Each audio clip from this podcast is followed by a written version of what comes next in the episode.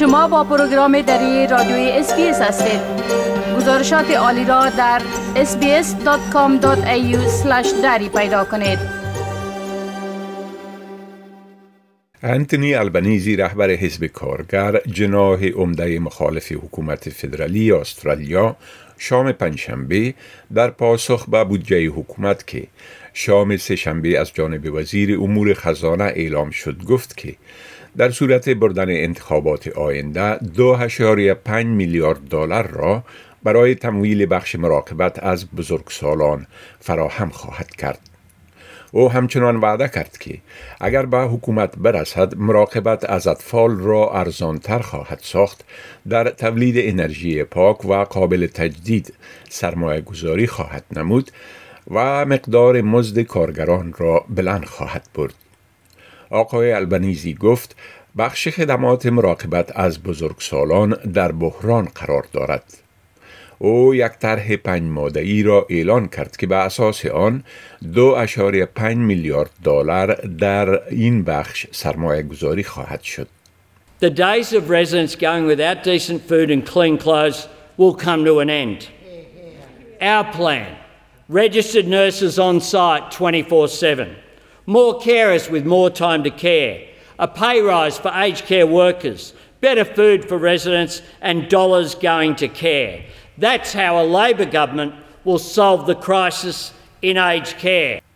آقای البنیزی درباره پلانش برای فراهم کردن مراقبت ارزان تر از اطفال، سرمایه گذاری در انرژی قابل تجدید، افزایش مزد کارگران، تقویت صنایع تولیدی و اعمار منازل رهایشی ارزان گفت. My fellow Australians, working together we can build a better future.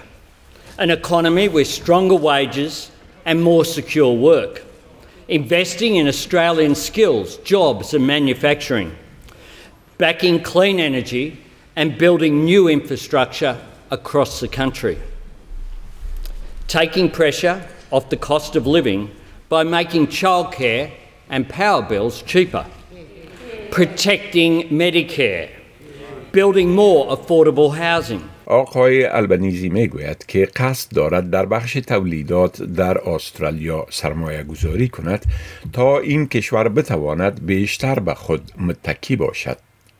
او تعهد کرده که فرصت های بیشتری برای آموزش و بودجه بیشتر برای زیربناها مثل جاده ها، راه آهن، بنادر و اینترنت سری فراهم کند.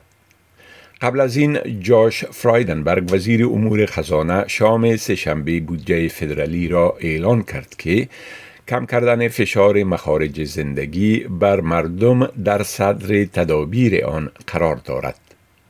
در این بودجه به خاطر کاهش فشار مخارج زندگی پرداخت یک بارگی 250 دلار به متقاعدین دریافت کنندگان ماشات امدادی سربازان سابق و دارندگان کارت های تخفیف کاهش 22.1 سنت مالیه بر هر لیتر نفت و تخفیف مالیاتی 420 دلاری در نظر گرفته شده است. همچنان پیش بینی شده که میزان بیکاری در سال مالی 2022-23 از 4 فیصد در حال حاضر به 3.5 فیصد کاهش خواهد یافت و علاوه بر این مصارف بر تدابیر دفاعی افزایش خواهد یافت و تسهیلات برای کار و کسبهای کوچک فراهم خواهد شد. در زمره تدابیر بودجه فدرالی تخصیص 16500 ویزه اضافی برای پناهندگان افغان در چهار سال آینده شامل است. آقای فرایدنبرگ می‌گوید که چهارمین بودجه فدرالی او استرالیا را به آینده اقتصادی قویتر پس از بیرون آمدن از همگیری کووید 19 هدایت خواهد کرد و از مردم استرالیا خواست که این پلان را بپذیرند. به عباره دیگر به ادامه حکومت کنونی در انتخابات آینده رای بدهند. This is a time to stick to our plan. A plan for a stronger economy and a stronger future. We will deliver.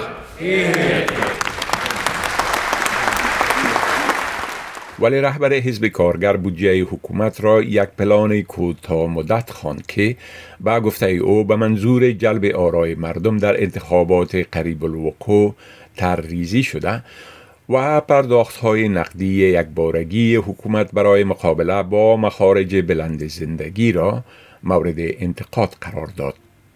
او از رای دهندگان خواست که از نظریه حزب کارگر برای استرالیا حمایت کنند.